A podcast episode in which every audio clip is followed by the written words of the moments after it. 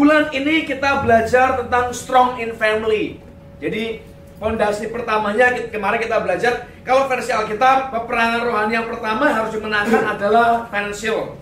Lalu step nextnya keluarga karena keluarga itu fondasi yang keduanya. Jadi kita belajar hari ini harus strong. Nah, baik uh, bagianku hari ini kita bicara masalah who is responsible in the family. Orangnya. Jadi uh, bapaknya. Kita baca dulu ya. Efesus pasal 6 ayat yang keempat. Efesus pasal 6 ayat 4. Saya bacakan firman Tuhan bagi kita semua. Dan kamu, bapak-bapak, janganlah bangkitkan amarah di dalam hati anak-anakmu, tetapi didiklah mereka dalam ajaran dan nasihat Tuhan. Dia bilang, bapak-bapak, jangan bangkitkan amarah dalam hati anakmu. Ayatnya berkata bapak, tapi kita perlu sadar begini bahwa firman ini bukan cuma buat yang sudah menikah punya anak, bukan. Bapak itu berarti bicara fungsi. Semua laki-laki Anda harus ngerti fungsimu dari awalnya.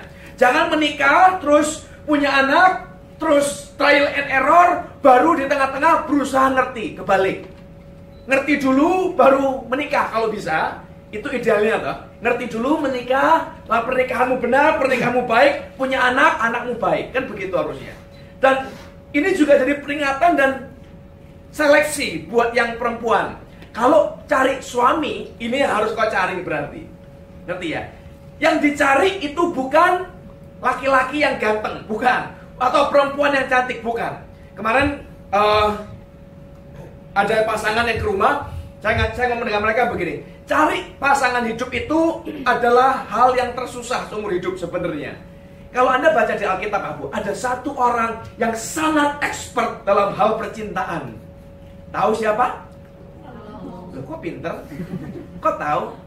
Salomo itu sangat hebatnya, saking hebatnya, istrinya 300, selingkuhannya 700. Seribu. Di, dia punya seribu perempuan dalam hidupnya dia. Tapi kalau Anda baca kitab khotbah dia berkata begini. Di dalam dunia ini ada hal yang tidak aku dapati. Yang ku dapat itu satu. Dia, dia ngomong begini. Satu laki-laki di antara seribu aku dapat. Artinya kalau dia mau cari satu laki-laki yang baik di antara seribu laki-laki, gampang dia ngomong. Tapi mencari satu wanita di antara seribu tidak kudapati. Jadi ada gundiknya seribu, di antara seribu itu satu pun dia bilang tidak ada yang baik. Bayangkan. Salomo punya kesempatan milih satu di antara seribu nggak dapat. Terus Anda milih satu dari satu. Itu susah. Nangkep maksudnya ya? Sudah susah, Jangan ditambah lebih susah karena yang dipilih sudah nggak pas, goblok pisan. Nggak ngerti firman, nggak ngerti aturan. Ya kita yang penting dengan dasar cinta kita lewati berdua jurang maut ini. Mati dua-dua pak. Cinta itu bukan sekedar emosi. Ayo, pokoknya dengan cinta kita lewati segala penghalang. Dengan cinta kita berhasil. Enggak. Cinta itu belum pernah bayar listrik kalau nggak ada duit. Cinta belum pernah suruh bayar tagihan rumah, cicilan, Romeo Juliet itu dibilang sebagai simbol cinta sejati. Itu karena mereka belum menikah. Mati duluan. Terus ya tahu cinta terus mati duluan. Cinta. Coba kalau dia sudah kawin. Coba kalau suruh bayar sekolah anak, terus kerjaan gak cukup, duit gak ada. Itu bukan cinta sejati lagi, cerai benar Romeo Juliet lama-lama. Bisa nangkep ya? Kita belajar bahwa pelayanan yang pertama itu harusnya keluarga. Percuma hebat pelayananmu di gereja kalau keluargamu berantakan buat apa? Gak ada gunanya.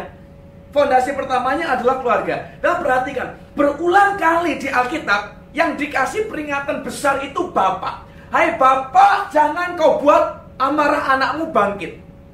Saya kasih satu lagi ayatnya ya. Kolose 3 pasal 21. Kolose pasal 3 ayat 21. Boleh tampilkan nggak sini? Kolose pasal 3 ayat 21. Hai bapak-bapak, janganlah sakiti hati anakmu supaya jangan Berulang kali Alkitab ngomongin, Hai Bapak, jangan bikin anakmu marah, jangan bikin tawar hati, jangan kau sakiti anakmu. Dan kalau Anda perhatikan, tidak ada ayatnya buat ibu. Hai ibu, jangan kau sakiti anakmu, nggak ada. Kenapa? Karena ternyata memang yang suka bikin sakit itu bapak. Ini saya bukan sentimen dengan laki-laki, aku juga laki-laki. Tapi kita harus sadar bahwa itu memang ditujukan buat Anda dan buatku. Kalau kita ngerti, kita akan jadi a better husband, a better father. Bapak yang lebih baik, suami yang lebih baik buat keluarga kita. Nah, jadi harus ngerti dulu. Kenapa kita bilang bapak-bapak janganlah sakiti anakmu supaya jangan tawar hatinya. Karena kita dibilang, kalau dalam bahasa Inggrisnya bilang, do not provoke your children. Jangan provoke. Provoke itu bahasa Indonesia terjemahkan jadi provokator. Provokator itu keadaan tenang-tenang, lalu ada dia, dia utak-utik, dia bikin ini itu jadi rusak, jadi bubar, jadi panas, jadi ribut, jadi berantem. Ayat Alkitab yang dipakai adalah provoke. Jadi ternyata saya pikir-pikir betul. Dalam hidup kita, kita ini ya saya nggak ngomong hidup kita lah, hidupku lah ya, biar lebih lebih netral lah. Saya menikah dengan istri saya tiga tahun pertama itu kayak neraka di bumi kayaknya.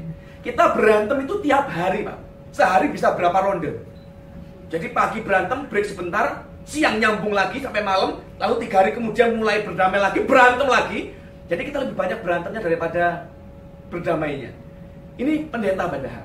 Saya ngerti firman, cuma tidak ngerti sampai ke sini waktu itu. Jadi kita belajar, kita jalani saja dengan Tuhan, kita bisa. Enggak juga. Dengan Tuhan tanpa pengetahuan ya percuma. Kalau kita bilang orang cuma rajin tanpa pengetahuan binasa kita. Jadi harus tahu Tuhan itu ngomongnya bagaimana, aturannya bagaimana. Jadi kami berantem tiap hari berantem berantem berantem. Satu ketika di tahun ketiga lewat, saya mulai berpikir begini, ini tidak bisa diteruskan kejadian ini. Ini akan rusak semuanya. Harus di fix up, diperbaikin. Dan saya mulai berpikir, kenapa? Apa yang bikin kita berantem ini apa? Dan saya menarik sebuah kesimpulan, ternyata, ternyata 98% pertengkaranku di rumah itu starts from me. Yang provoke itu saya, mesti. Dia masak, nggak enak, dan namanya orang baru menikah, masak nggak enak itu wajar. Kalau mau enak, kawin sama koki. Lihat tak? Dia masak kadang asin, kadang nggak ada rasanya. Saya pernah dimasakin Indomie, Pak. Indomie itu kurang gampang apa ya? Gampang toh Indomie itu. Semua orang di muka bumi ini harusnya bisa masak Indomie. Tapi dia tidak. Dia masak Indomie, dikasih ke saya. Ku makan. Kok nggak ada rasanya? Bumbunya nggak dimasukin. Jadi Indomie-nya dong direbus dikasih saya. Kan bingung. Ini manusia kebangetan. Indomie pun nggak ada rasanya. Padahal ada bumbunya. Bumbunya kelupaan eh emosi. Gara-gara Indomie berantem hebat. Kurang ajar istri mungkin. Wah panjang. Indomie berantem. Gara-gara odol berantem. Gara-gara baju berantem. Ribut. Apakah dia sengaja bikin ribut? Tidak. Yang sengaja bikin ribut saya. Jadi dia berbuat kesalahan langsung. Wah! Ribut. Dan ternyata masalah perkelahian itu cuma hal-hal kecil. Kita tuh ternyata betul kesandung itu bukan gara-gara batu besar batu karang batu kerikil yang bikin kita kesandung dan saya mulai menyadari yang bikin ribut itu mesti mesti saya ngomong mulai kenceng, ngomong mulai tinggi, nanti dia bikin wah ada saja. Dan saya sangat pintar untuk menusuk hati orang dengan kata-kata tajam dan menyakiti. Itu bakat alami, bis. itu nggak usah mikir keluar sendirinya. Dan rasanya semua laki-laki laki-laki hampir sama. Kita berusaha mengatasi dia, kamu harus nurut. Kita kencengin suara kita, kita mulai bikin ulah, kita mulai bikin kita provok. Begitu diprovok dia nangis, dia dia mulai terluka, dia mulai pahit, masakan tambah gak enak. Rumah tambah gak karuan. Uh, tambah lanjut terus. Itu kayak roda setan. Bergulir tambah gak karuan. Makin saya marah, makin gak enak di rumah. Makin gak enak dia. Makin gak karuan. Makin runyam, makin berantem. Betul kata kita. Mulai anak lahir, sama. Anak jadi sumber masalah. Dia gendongnya salah, dia nangis, kumalahin. Gendong yang benar. Dia bilang, ya coba kamu gendong. Aku gendong, dia tetap nangis. Oh lapar kalau gitu. Terus dia bilang, gitu bilang, kamu jangan ribut lagi. Wah, nggak karuan wis. Mulai dari mana? Nih. Dan saya, saya, pikir ya, itu bukan cuma terjadi di keluarga aku. Di semua keluarga. Saya jadi pendeta sekarang, ini tahun ke-19. Saya jadi pendeta. Jadi hamba Tuhan.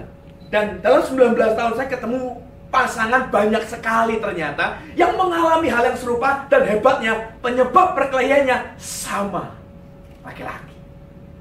Jadi hari ini peringatan besar buat para pria dan yang wanita, kalau mau cari suami cari yang begini tak. Bukan yang bikin yang bukan yang bukan yang provok ya, yang nanti akan kujelaskan. Carilah itulah kriteriamu, itulah kualitas yang kau cari dari seorang laki-laki. Bukan yang ganteng, bukan yang cantik. Ingat kata Salomo, my soul seek Jiwaku mencari satu di antara seribu wanita tidak kudapati. Jadi kalau cari suami, cari istri satu di antara seribu itu masih nggak pas. Apalagi satu di antara satu pilihan, hanya dia yang mau, ya sudah pasti nggak pas malahan. Tapi bukan berarti terus habis itu kita selesai bubar tidak. Perkawinan itu tidak ada orang dua orang cocok, kok nggak cocok pasti karena dia orang perempuan dia laki-laki keluarganya dia begini keluarganya dia begitu dicampur jadi satu ya nggak bakal cocok. Ingat pernikahan itu bukan tentang cocok nggak cocok. Masalahnya adalah dua orang yang tidak cocok dicocok-cocokin sampai cocok. Itulah pernikahan, ya. Tapi mulainya laki-laki. Hari ini kita belajar. Coba baca ayatnya ya, baik-baik. Balik lagi ke Efesus pasal 4, eh pasal 6 ayat 4. Dan kamu bapak-bapak janganlah bagikan amarah dalam hati-hati uh, dalam hati anak-anakmu. Maka kita berkata begini, tetapi didiklah mereka dalam ajaran dan nasihat Tuhan. Dia ngomong jangan bikin marah, tapi jangan provok mereka, tapi ajarlah, didiklah, teach them. Kita ini para bapak laki-laki, panggilan pertamamu dalam keluarga itu adalah sebagai guru sekolah minggu ternyata. Jadi kalau Anda berpikir sebagai laki-laki Anda harus bekerja, salah. Nggak ada ayatnya. Cari kalau ada. Nggak ada ayatnya bilang laki-laki bekerjalah keras supaya bisa menghidupi keluarga. Nggak ada ayatnya. Tapi ayatnya ada bilang begini, didiklah anakmu, didiklah uh, keturunanmu supaya mereka ngerti takut Tuhan. Nah, apa yang dididik, apa yang diajar? Kita belajar ya. Kita hari ini kita akan kita akan pisah satu-satu, kita pecah satu-satu. Nanti kita akan belajar ada empat hal penting yang Alkitab tulis apa yang harus kita lakukan. Kita ini disuruh ngajar anak. Jadi guru dulu pertama, baru kita bisa maju ke yang lain. Ingat ayatnya dia berkata begini. Percuma, eh bagaimana mungkin kalau dia kalau seorang laki-laki tidak bisa mengatur rumah tangganya, keluarganya, bagaimana dia bisa mengatur jemaat Allah? Nggak bisa. Jadi yang pertama adalah keluarga dulu. Itu itu pertamanya. Dan kita ngajar itu bukan ngawur-ngawuran. Anak bukan diajari ngitung duit, bukan itu yang disuruh. Anak bukan diajari ABCD, bukan itu yang disuruh. Disuruhnya apa? Disuruhnya pertama gini, kita disuruh ngajar anak kita, termasuk istri kita nantinya, itu dengan doa. Di gereja sekarang ini ada satu pengajaran yang salah yang sedang beredar. Dan kita amini, kita imani, kita yakini itu benar karena kita keseringan dengar gitu, Pak. Itu padahal salah. Saya percaya Anda pasti pernah dengar ada yang ngomong begini atau yang ngajar begini. Tiang doa sebuah keluarga adalah istri. Salah, Pak Bu. Anda boleh cari di Alkitab setebel ini. Cari di mana ada ayatnya dia ngomong, istri berdoalah buat suamimu. Gak ada. Berdoalah buat keluargamu, berdoalah buat anakmu. Gak ada, Pak. Yang doa itu bukan istri. Kenapa? Satu Timotius, bukan dulu sama-sama. Satu Timotius. Satu Timotius 2. Ayat ke-8 kalau nggak salah. Coba ditanyakan dulu. Satu Timotius 2 ayat 8.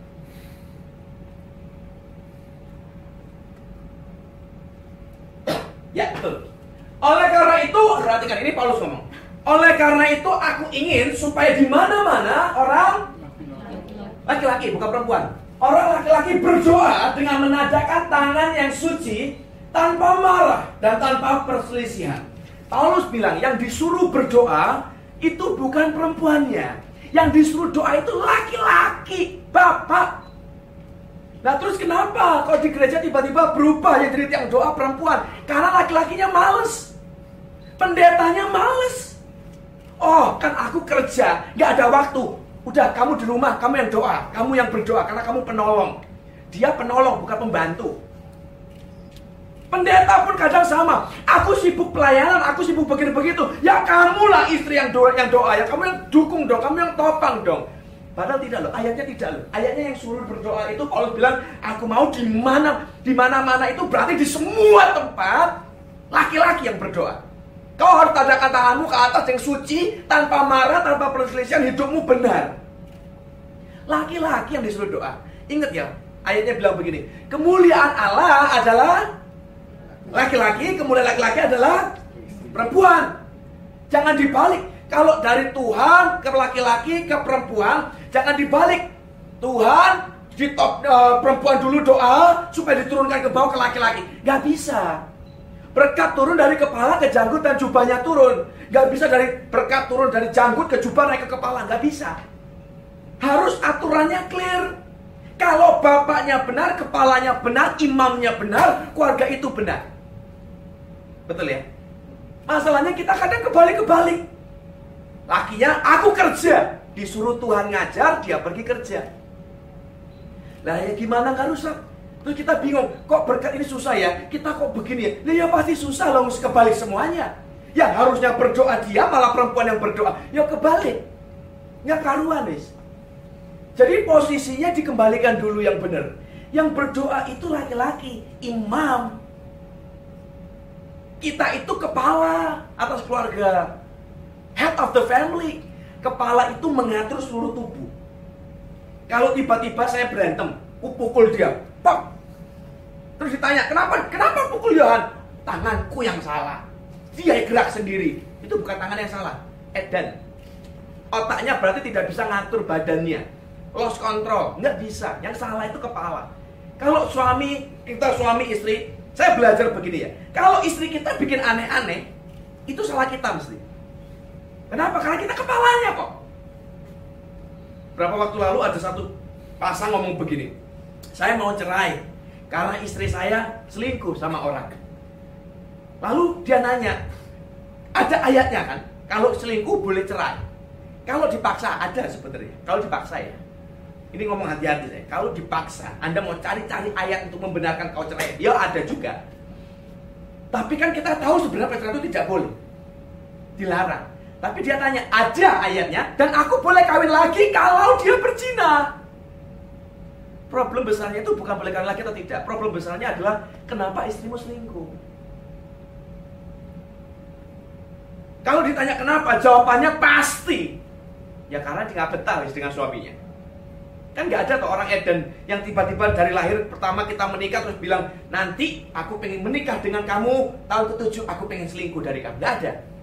Semua orang itu kita hidup dalam dunia Disneyland sebenarnya. Aku ingin menikah, punya rumah besar, punya mobil, punya anak-anak. Wah, happily ever after. Itu kisah kita. Tapi kenyataan tiba-tiba bukan Disneyland, horor. Yang yang terjadi terus tiba-tiba. Kenapa? Karena kacau. Rancangan Tuhan apa, disuruhnya apa, kita bikin yang lain. Disuruhnya jadi pengajar, kita pergi kerja.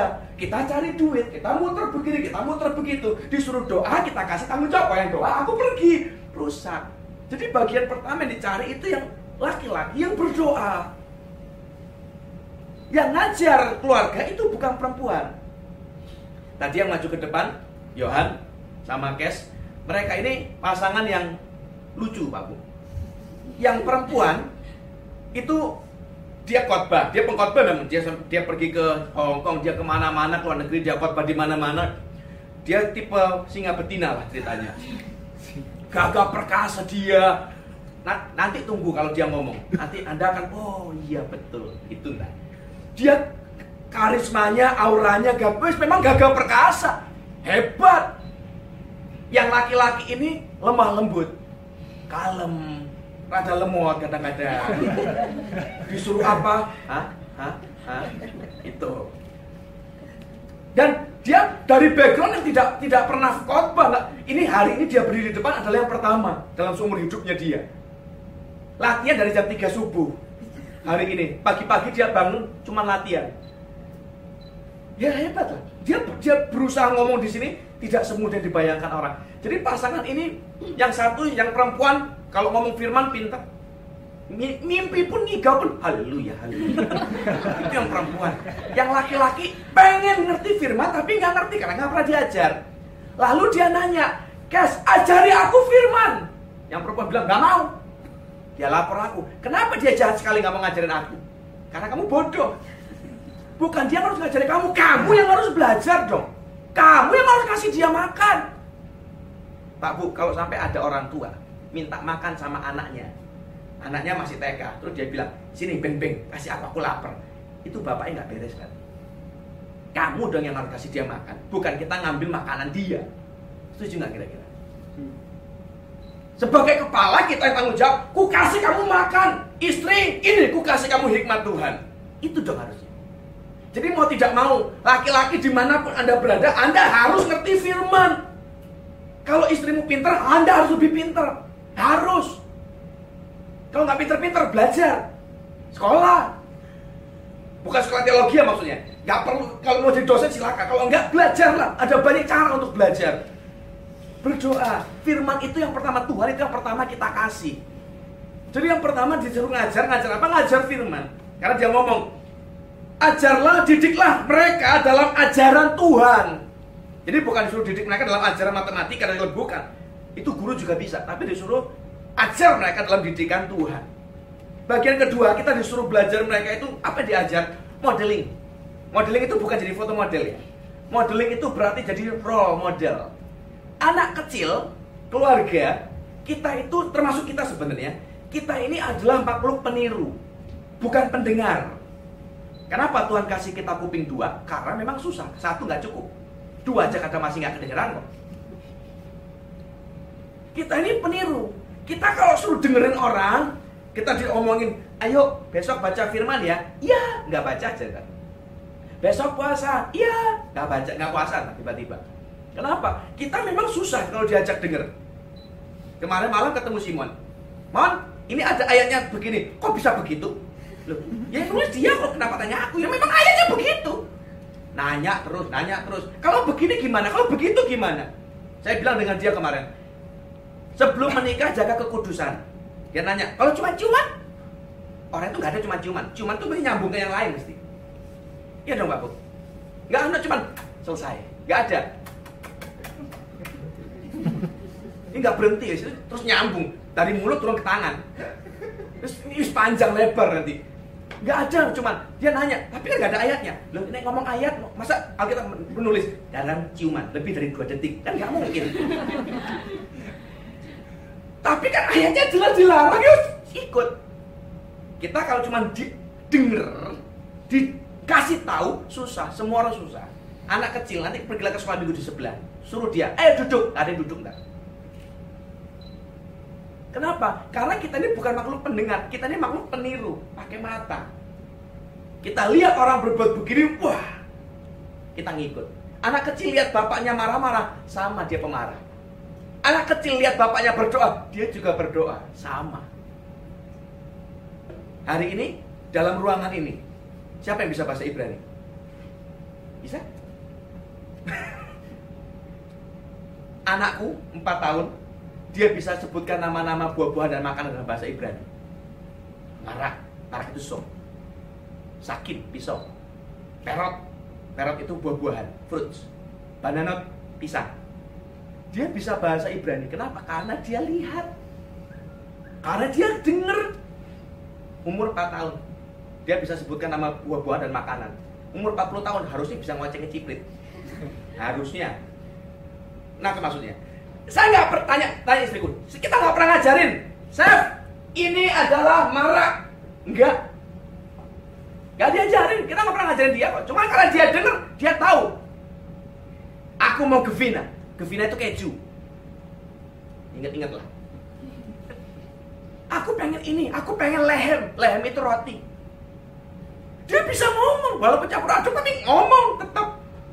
Kenapa? Karena dia peniru. Dia lihat bapaknya belajar, aku juga. Aku punya papan tulis, dia juga punya. Aku nulis, dia nulis. Saya nulis Ibrani, dia gambar gak jelas. Itu bahasa apa belum ketahuan aja. Tapi kan itu kan itu peniru. Nah itu maksudnya. Dia lihat maminya baca Alkitab, dia nanya, aku Alkitabku mana? Aku juga mau baca. Itu dia marah aku, kamu kok nggak baca deh? Sudah tadi, aku belum lihat, baca lagi. Dia ulang lagi. Kenapa? Karena dia peniru. Jadi bapak itu kita waktu jadi pengajar, kita jadi guru, kita jadi orang tua, itu bukan cuma sekedar teorinya yang keluar. Ayo berdoa ya, ayo cinta Tuhan ya, ayo kasih Tuhan dengan segenap hatimu. Realnya keluar. Kita ngomong cinta Tuhan. Tapi begitu ada masalah datang terus kita bingung sendiri kelapakan itu marah-marah di rumah sendiri. You do not trust God actually. Kalau kita percaya di tengah-tengah masalah, kita tenang karena kita tahu sumber penolongan kita ada. Di tengah badai berdatang mencuat, bisa-bisa masalah kita berat. Orang yang percaya Tuhan itu kelihatan dari hidup sikapnya. Masalah boleh berat, tapi waktu kita bisa tinggal tenang dan percaya itu kata Alkitab, di situ kekuatan itu tandanya anda percaya sungguh-sungguh bukan sekedar mulut yang keluar semua orang butuh duit pak nggak ada yang enggak Dan semua orang juga pernah ngalami masalah duit, kurang duit itu banyak dan semua alami. Tapi tidak semua mengalami breakthrough yang besar dari Tuhan. Dan harusnya kan terjadi, harusnya. Tahun ini kami lagi project beberapa orang di sini harus punya rumah tahun ini, harus. Kemarin mereka datang ke rumah, saya ngomong, berapa duitmu sekarang? Yang ready. Kita atur sekarang dari jumlah yang ada ini, kita harus atur, harus bisa dapat rumah. Orang tuamu nggak punya rumah nggak apa-apa. Engkongmu nggak punya rumah nggak apa-apa, kamu harus punya rumah. Harus dong. Ikut Tuhan tuh bukan cuma sekedar ya doa, sembahyang, haleluya Tuhan baik terus hidup susah. Hari Minggu rohani kelihatan baik, lalu Senin sampai Sabtu menderita. Enggak ikut Tuhan itu harusnya keseluruhan, whole, lengkap, full. Tuhan bilang, saya, saya ngomong hati-hati dulu ya. Tuhan kita itu Tuhan yang kaya.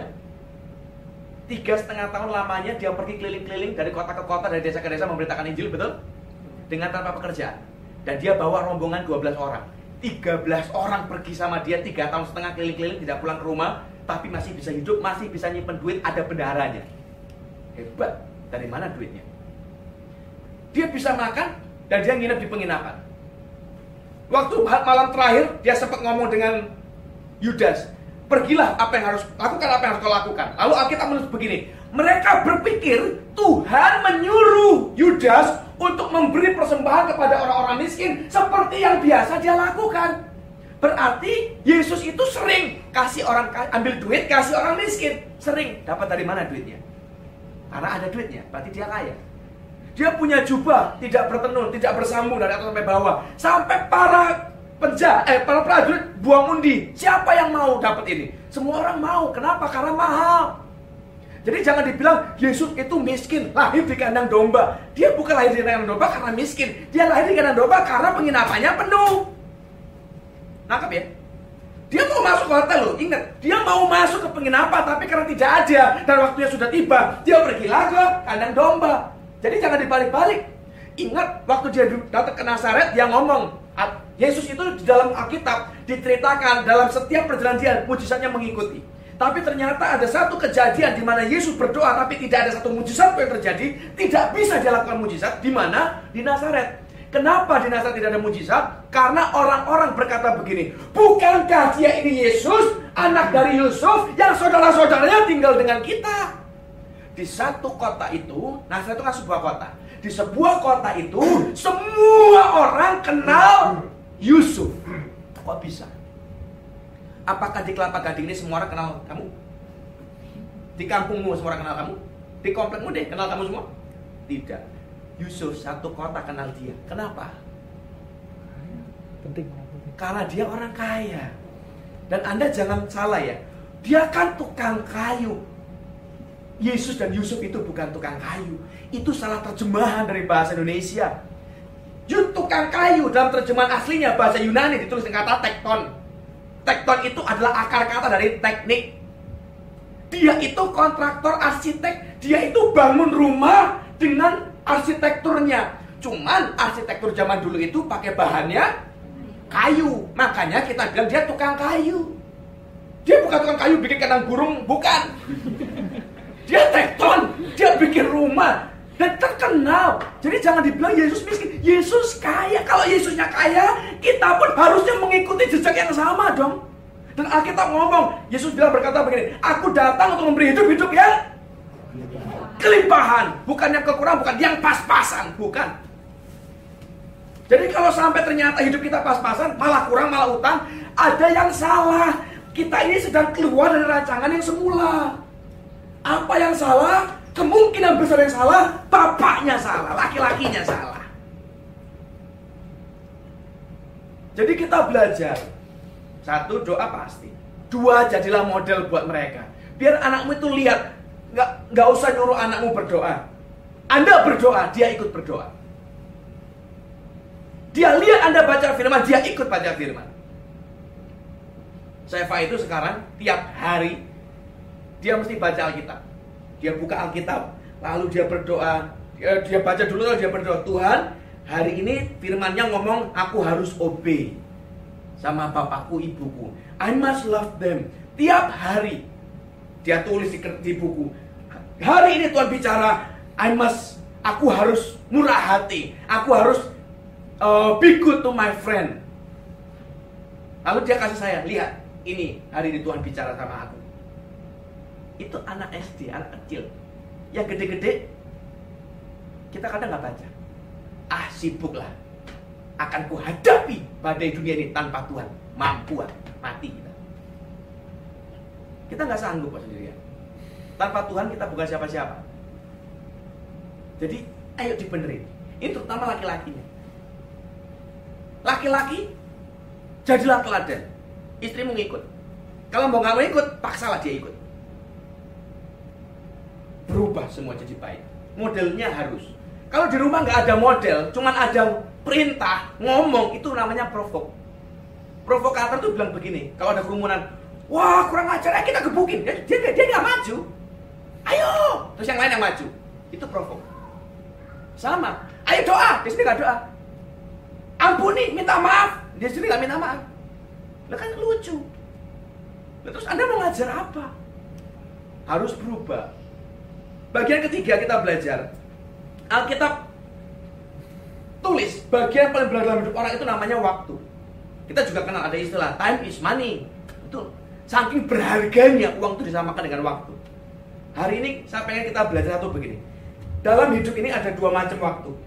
Quality time versus quantity time. Yang mana yang lebih baik? Quality time is better than quantity? Tidak juga sebenarnya. Kita perlu berarti begini.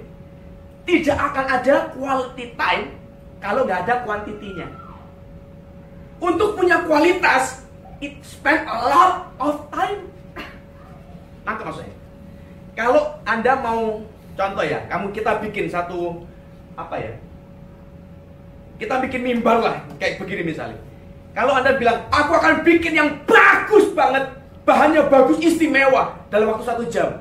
Kira-kira bagus gak hasilnya? Nggak bakal bisa. Kalau pengen ini excellent, ya pasti harus harus semuanya di spend. Kemarin ada satu film yang lagi diputar di bioskop namanya Spider-Man, The Spider Universe. Tahu nggak? Tahu apa orang? Kok kasihan sekali?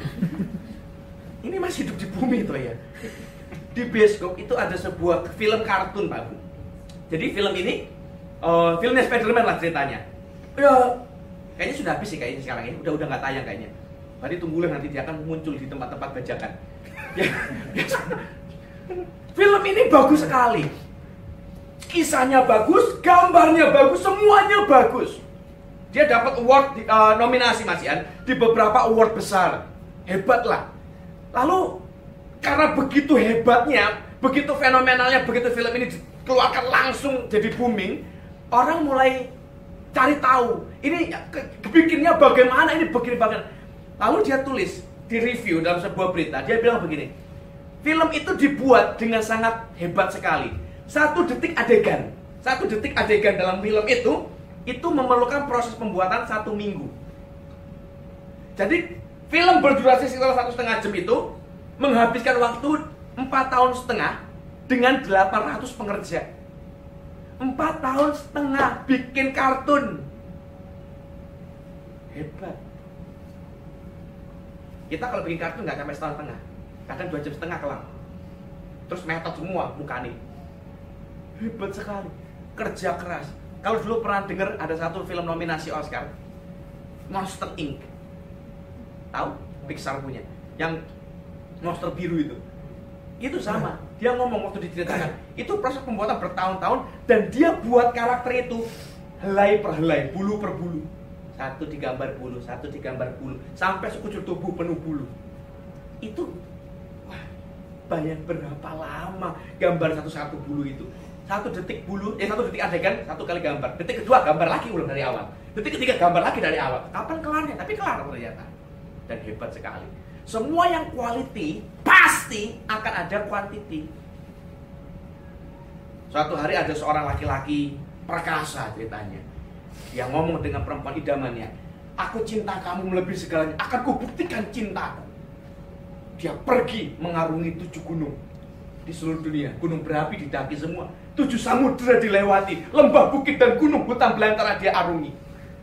Begitu selesai pengarungi semuanya, tiba-tiba dia dapat kabar. Istrimu menggugat cerai. Kenapa? Karena nggak pernah di rumah. Naik gunung terus, masuk hutan terus, mengarungi laut. Teddy. dia berusaha membuktikan cintanya begitu rupa. Wah, hebat banget kita lewati gunung kayak ninja Hattori tapi nggak pernah di rumah, buat apa? Nanti maksudnya, Bapak, panggilan utama kita itu bukan bekerja. Saya ngomong hati-hati, jangan dipelintir omonganku nanti. Panggilan utama seorang laki-laki bukan bekerja. Itu tidak sama dengan tidak usah bekerja, bukan. Kerjalah, tapi harus tahu bahwa prioritas besarmu bukan itu. Prioritas besarnya adalah uruslah keluargamu. Kuantitinya harus ada supaya dia bisa membuat kualitas. Lah kalau kuantitinya nggak ada nggak bisa. Saya baru dapat sebuah riset tadi Pak Bu. Ini saya, ini saya baca ini supaya nggak salah ini. Jadi ada sebuah riset tadi dari Cornell University. Ini universitas para ilmuwan yang bikin. Dia menulis begini bahwa ini dari dari sekitar 15.000 para bapak, 15.000 laki-laki di Amerika disurvei. Lalu hasil survei begini. Rata-rata para papa, para bapak ini menghabiskan waktu 37 detik sehari dengan anaknya. Lu seram sekali.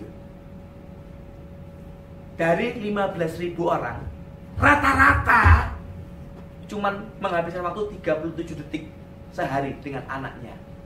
Itu kasihan sekali. Itu kayak begini. Wah, lucu. Oke. Selesai. Tidur. Kasihan. Bisa nangkep Mas Bapak? Anda apa alasannya? Mereka beralasan, "Oh, waktu terbesar habis untuk bekerja." Anda bekerja, duit banyak, semua banyak, lalu tiba-tiba pulang ke rumah, anakmu nggak mau lihat kamu. Saya punya tetangga di rumah, ini kasihan ini keluarga ini. Bapak, ini keluarga ini kaya sekali. Kaya lah udah. Dia ke Jepang ke mana-mana. Itu setiap berapa bulan sekali itu keliling dunia. Kaya. Tapi anaknya, jadi anaknya dia itu adalah temennya anakku. Suatu ketika anak saya main ke sana, main ke rumah dia. Ya sudah, aku temenin lah. Jadi aku ikut ke rumahnya orang ini. Main-main di dalam. Lalu anakku lagi main sama dia, aku temenin dong. Jadi kita bertiga, aku, anakku sama anaknya dia lagi, lagi main. Lalu tiba-tiba Bapaknya datang. Begitu bapaknya datang, dia ngomong, aku sudah pulang. Halo, di mana semua? Anaknya dia begini. Yuk pindah yuk. Perhatikan. Loh kalau cuma terus diam masih mending lah. Pindah. Terus saya jadi bingung. Loh, papimu datang, makanya kita pindah. Terus anak itu panggil aku Dad. Dad, kita mau ke mana? Loh, Kenapa jadi aku? Gua gak ikut berbuat atau jadi saya ya? Mami ini marah sampean. Jangan panggil dia dan om. Lihat, yang suruh siapa? Bukan aku nyuruh dia loh. Jadi dia lihat bapaknya. Nanti bandingin dengan anakku nanti. Nanti kalau dia keluar dari sekolah, lihat waktu ketemu saya. Itu kayak udah gak ketemu 10 tahun kan. Umurnya masih 8. Kita harus jadi figur. Ada spend time. Anak itu kan tidak bukan kayak mainan ada tombol dinyalain love lalu dia mengasihi kita tidak itu kan building relationship saya kerjaanku hari daripada aku disuruh keliling-keliling kerja nggak karuan aku mending suruh jadi sopirnya mereka. Aku antri sekolah. Lebih baik guys. Duit kita butuh uang. Iya tapi uang banyak tidak bisa membeli anakmu. Lebih baik uang biasa lah, gak usah banyak, tapi cukup guys. Tapi kita punya waktu buat mereka. Itu jauh lebih berharga.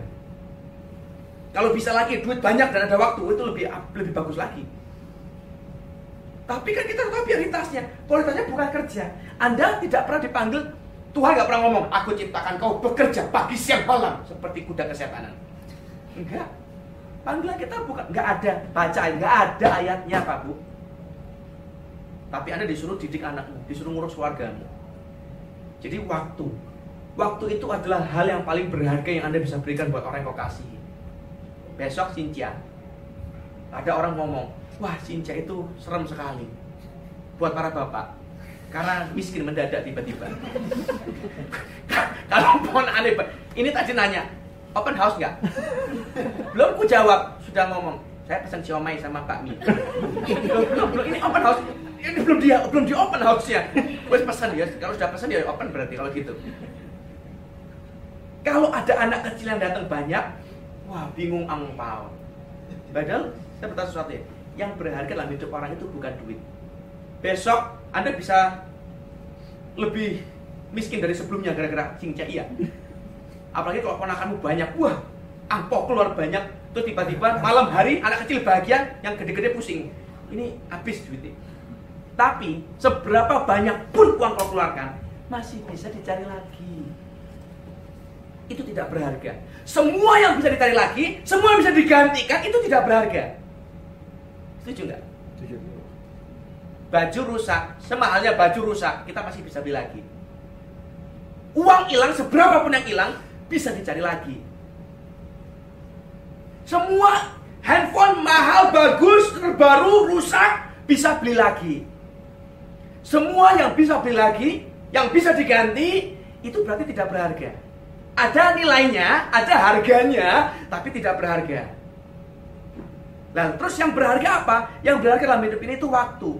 Kenapa? Sekali waktu kita kasih, gak bisa balik Pak Hari ini kita kasih waktu buat keluarga. Aku nggak akan masuk kerja, aku kasih waktu buat istriku, buat anakku. Ayo kita fun, kita main. Waktu itu sehari itu, Anda lakukan apa pun tidak bisa balik lagi sehari itu. Hilang sudah. Unreplaceable. Tidak bisa digantikan. Tidak bisa dikasih harga bahkan. Saking mahalnya. Makanya orang bilang time is money. Time is much more than money waktumu segalanya. Uangmu banyak, tapi kalau nggak punya waktu, habis. Tuhan bilang, waktumu selesai tiga detik lagi. Satu, dua, tiga. Mati. Percuma. Semua uangmu sudah tidak lagi berguna. Waktu itu yang pertama. Jadi kalau Anda mengasihi orang, yang harus kau kasih itu pertama waktu. Jadi waktu para bapak berpikir, aku kerja demi kamu karena aku mengasihimu. Salah. Itu kulakukan dulu dengan istriku.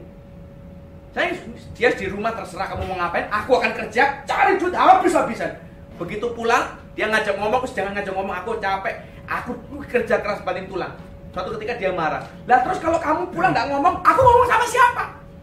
Ya terserah, aku kerja juga demi kamu karena aku mencintai kamu. Salah. Saya salah kaprah. Kebaikan hatiku, tujuanku tidak tidak benar. Salah. Lalu saya mulai, makanya hidupku nggak karuan. Berantem tuh gak karuan lagi. Mana gak berantem lah begitu. Lalu saya mulai berubah. Waktu kerja diatur. Ya kerja tetap jangan nggak kerja kerja. Kerja diatur pulang ke rumah. Ku ajak dia ngomong kita nih kita perlu ngerti ya laki-laki dengan perempuan itu punya kebutuhan yang berbeda. Laki-laki mereka bicara sekitar 5000 kata sehari. Perempuan dalam keadaan baik-baik tidak mens itu 15.000 kata kalau lagi sebel lagi mens itu bisa 20.000 kali tiba-tiba meningkat. Nah, masalahnya adalah perempuan di rumah tidak ada teman ngobrol. Kita di kantor, laki-laki, di kerjaan, kita ngomong terus. Jadi begitu pulang rumah, stok kita 5000 sudah habis. Yang perempuan ada 15000 baru kepake 200. Lalu dia mau ngomong, kita udah out of stock. Yang perempuan, aku masih meluap-meluap. Ya ribet berantem. Dan saya mulai menyadari perbedaan-perbedaan. Jadi saya berpikir, di tempat kerja saya jangan banyak ngomong. Kita ini kan kadang kalau ada apa-apa pengen cerita. Kalau nunggu malam kita sama istri keburu lupa. Jadi ketemu teman, wah tadi loh, wah cerita. Dan saya mulai belajar. Ada kejadian menyenangkan, menarik. Orang nanya, ada apa hari ini? Ada apa-apa. ada ada yang menarik, ada. Tapi aku nggak mau ngomong sama kamu. Jadi ku simpen stok ini Begitu nyampe rumah, dia masih punya 14.980 stok. Aku masih punya sekitar 3.000 kali. Terus, ayo, ngocek. Hari itu berakhir damai. Kenapa? Kebutuhan dia tersalurkan. Aku tidak dimarahi, tidak dongkal. So, di situlah kita mulai quality time. Ada a lot of time invested to make a quality time.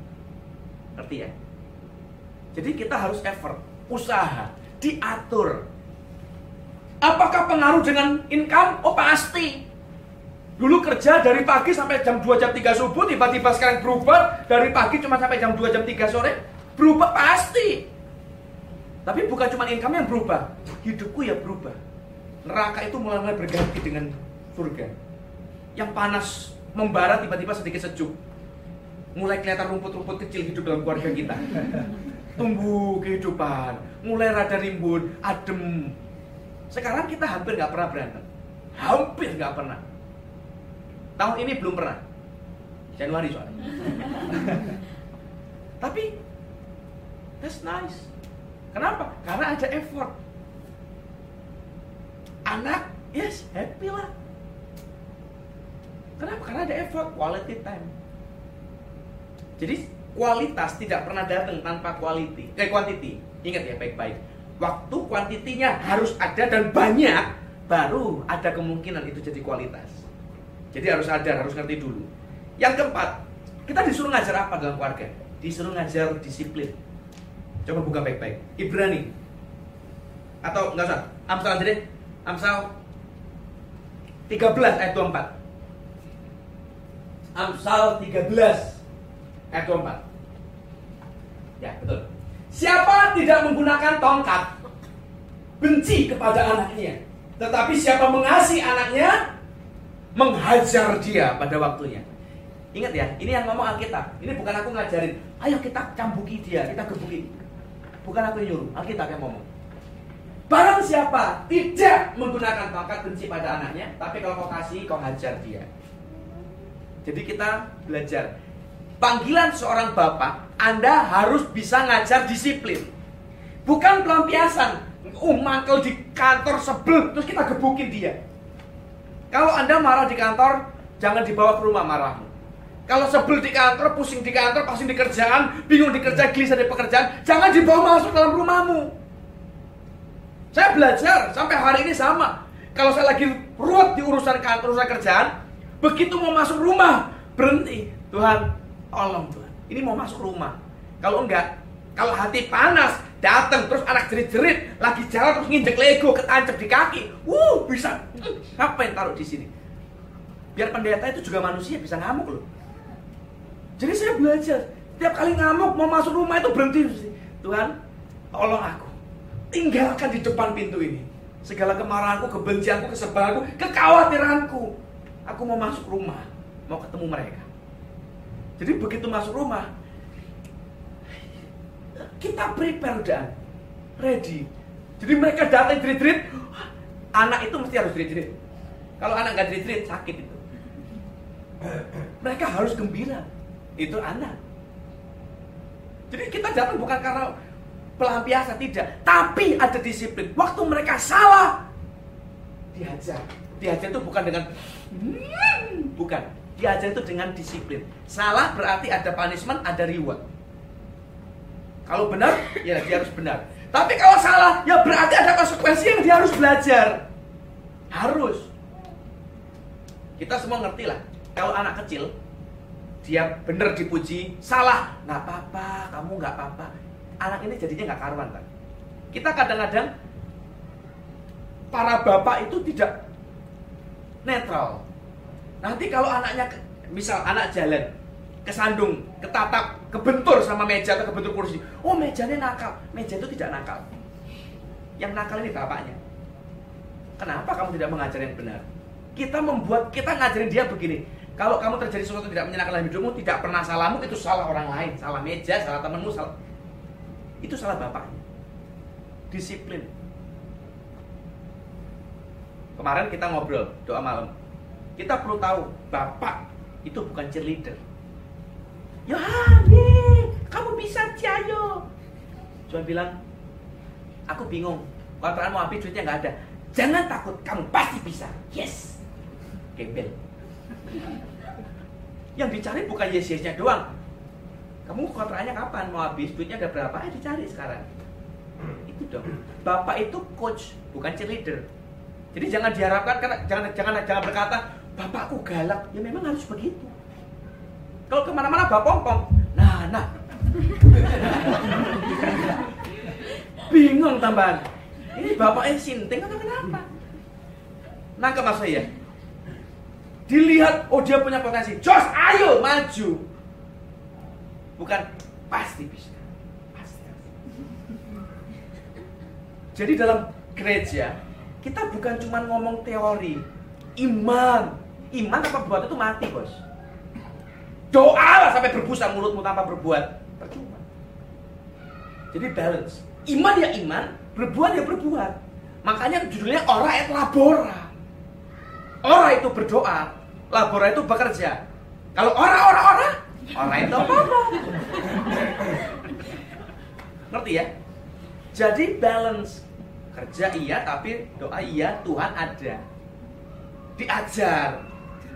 Anak diajar. Kita ini semua adalah produk dari pemaksaan hidup ini.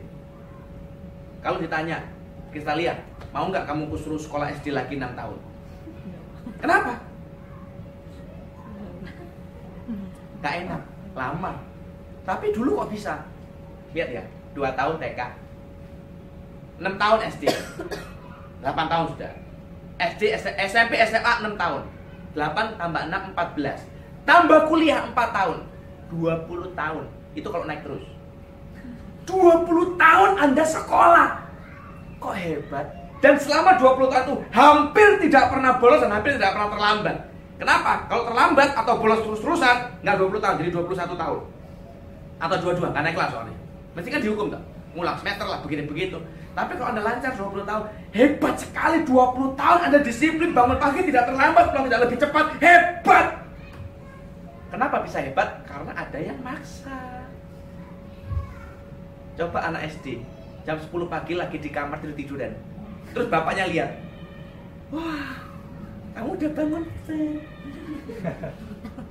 Kalau bapakku tidak begitu. Dia lihat saya telat, langsung ambil ikat pinggang, hmm, dicam bapak saya itu kayak turunan Mang Fehung kayaknya. Dia itu kalau mukul dengan alat-alat benda-benda rumah tangga. Ada kain lap, dia ambil, ditetes, tiba-tiba pakai kain lap tapi bisa berdarah kakiku. Wah, jago kungfu. Dihajar habis-habisan. Saya masih ingat suatu hari, ketahuan membolos SMP. Lagi bolos, pergilah saya dengan pacar. Jalan-jalan ke pantai ke mana pulang ternyata guruku menelpon. Dia nggak masuk. Aku pulang kan nggak tahu kalau ditelepon. Ditanya dari mana? Dari sekolah. Gimana? Susah hari ini. Ditanya ada PR banyak loh. Oh ya? Iya. Terus tadi ketemu siapa? Itu si nakal ini anak tetangga. Oh saya bisa cerita panjang lebar karena di sekolah. Terus dia ngomong tadi guru mau telepon katanya kamu nggak ada di sekolah guru yang mana?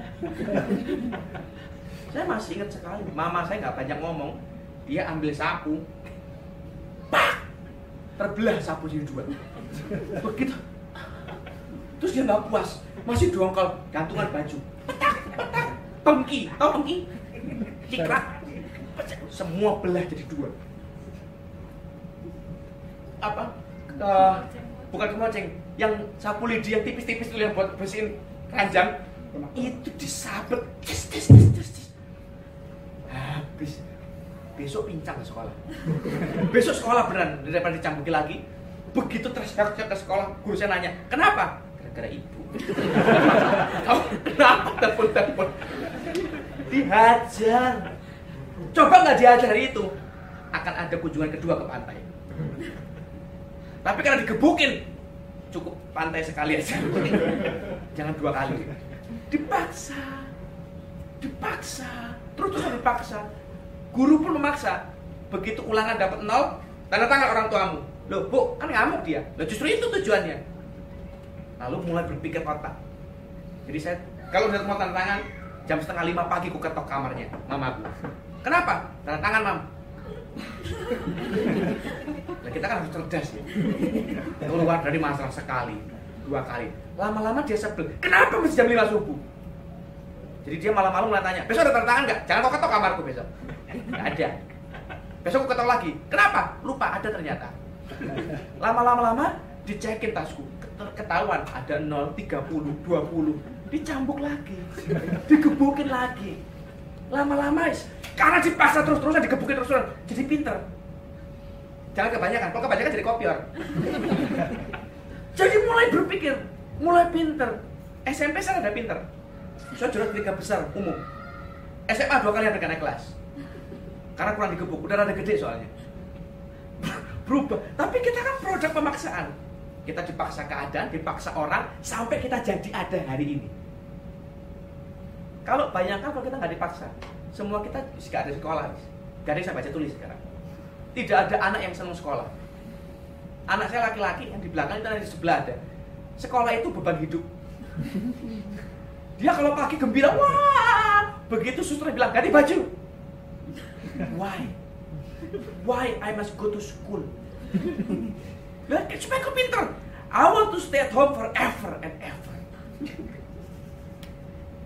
Kan aneh ya? Dia mau tinggal di rumah selama-lamanya. Emang Rapunzel? Sekolah. Di sekolah itu terus selesai beban berat. Ketemu gurunya. Hai Miss. Gurunya tanya, Are you happy? No. Loh, terus ini ada friend. I don't want friend. I want to go home.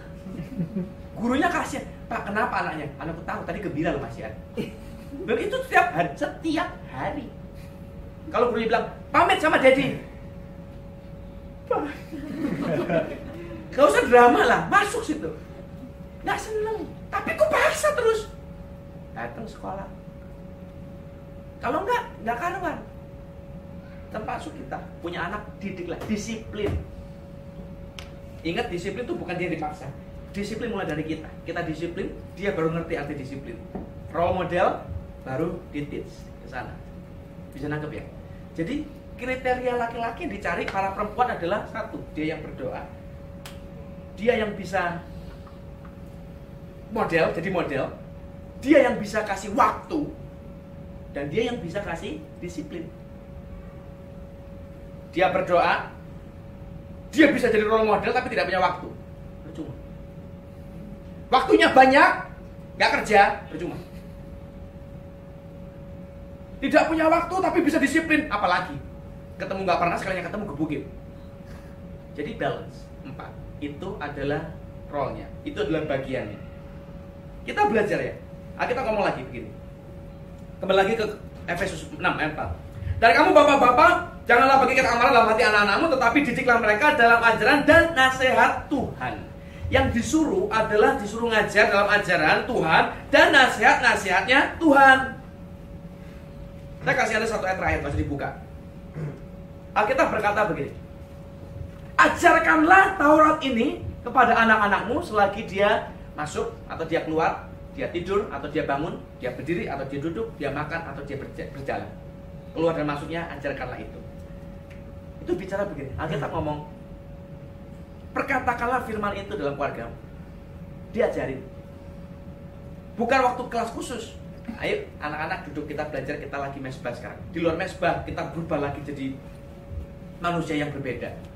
Ngomong, ajar pakai firman jadi masa depan anak, masa depan keluarga itu bukan dari berapa pekerjaan yang mereka dapat, bukan berapa gaji yang mereka dapat, bukan berapa nilai yang mereka dapat. Tapi seberapa besar value hidup yang mereka dapat Tuhan ya. Kalau ada Tuhan, kita bisa jadi apa pun. Tanpa Tuhan, Anda mau kerja keras apa pun tidak jadi, Pak. Kalau Tuhan nggak menyertai mau apa? Percuma sia-sia orang bangun pagi, pulang malam, mau bangun kota kalau bukan Tuhan menyertai, kalau bukan Tuhan memberkati percuma. Di hari ini saya berdoa baik-baik yuk belajar. Strong in the family, strong from the top dari keluarga dari bapak laki-lakinya. Besok kita bicara strong man, nanti kita bicara strong woman, wanita yang perkasa, wanita yang kuat, bapak laki-laki yang kuat dalam, dalam perkara apa kita belajar. Tapi start hari ini kita belajar dulu konsepnya, pentingnya laki-laki harus yang pertama. Amin.